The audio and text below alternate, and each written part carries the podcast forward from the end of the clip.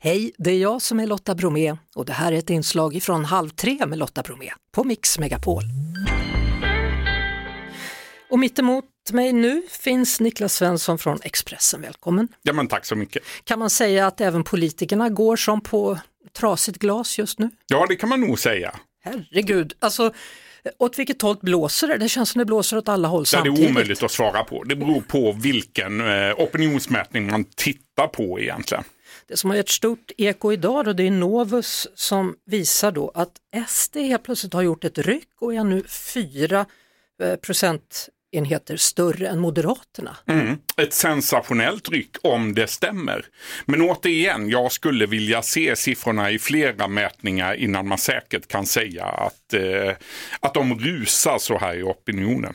Men du, vad, vad, vad betyder det här? Betyder det att vi väljare är väldigt osäkra på åt vilket håll vi ska? Eller är det att politikerna är otydliga?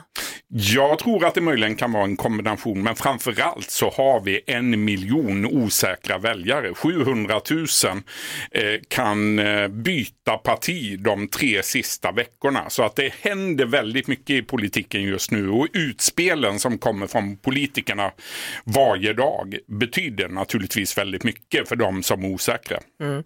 Och Socialdemokraterna då, de har då twittrat ut att här är vår statsministerkandidat och så en bild på Magdalena Andersson och där under då har man två personer. Inte så jätteförvånande, det är Jimmy Åkesson och, och det är Ulf eh, Kristersson.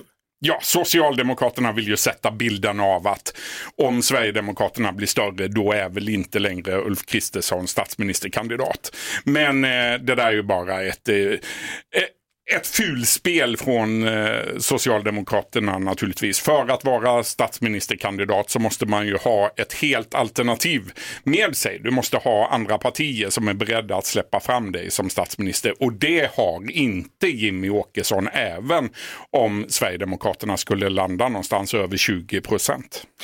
Och sen har vi då den här så kallade energiturnén när man ska besöka kärnkraftverk. Nu har det blivit jättebråk om detta. Internt så rasar då liberaler, det är intern kritik mot detta, hur L, KD, M och SD kan åka runt på någon slags bussturné. Men det är inte så, säger Johan Persson.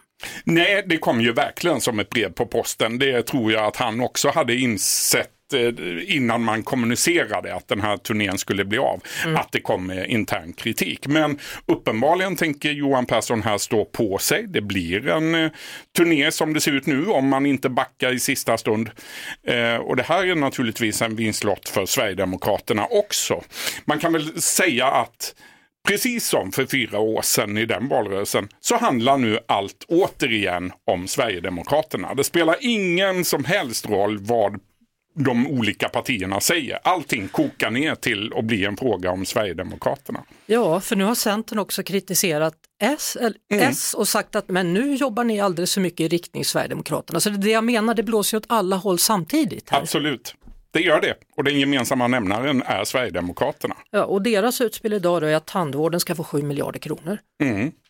Ja, Ja, vad säger man? Nej, jag vet inte. Vad, vad, vad kommer vara avgörande den här, de närmsta veckorna nu? Vi har ju pratat en del du och jag Lotta om faktor X. Den har inte riktigt dykt upp än, faktor X. Eh, men eh, möjligen, det, det är nästan tre veckor kvar. Eh, så att eh, det kan fortfarande hända väldigt mycket. Och för er som inte hörde det då, faktor X betyder ett stort avslöjande som kan vända opinionen åt Precis något så. håll.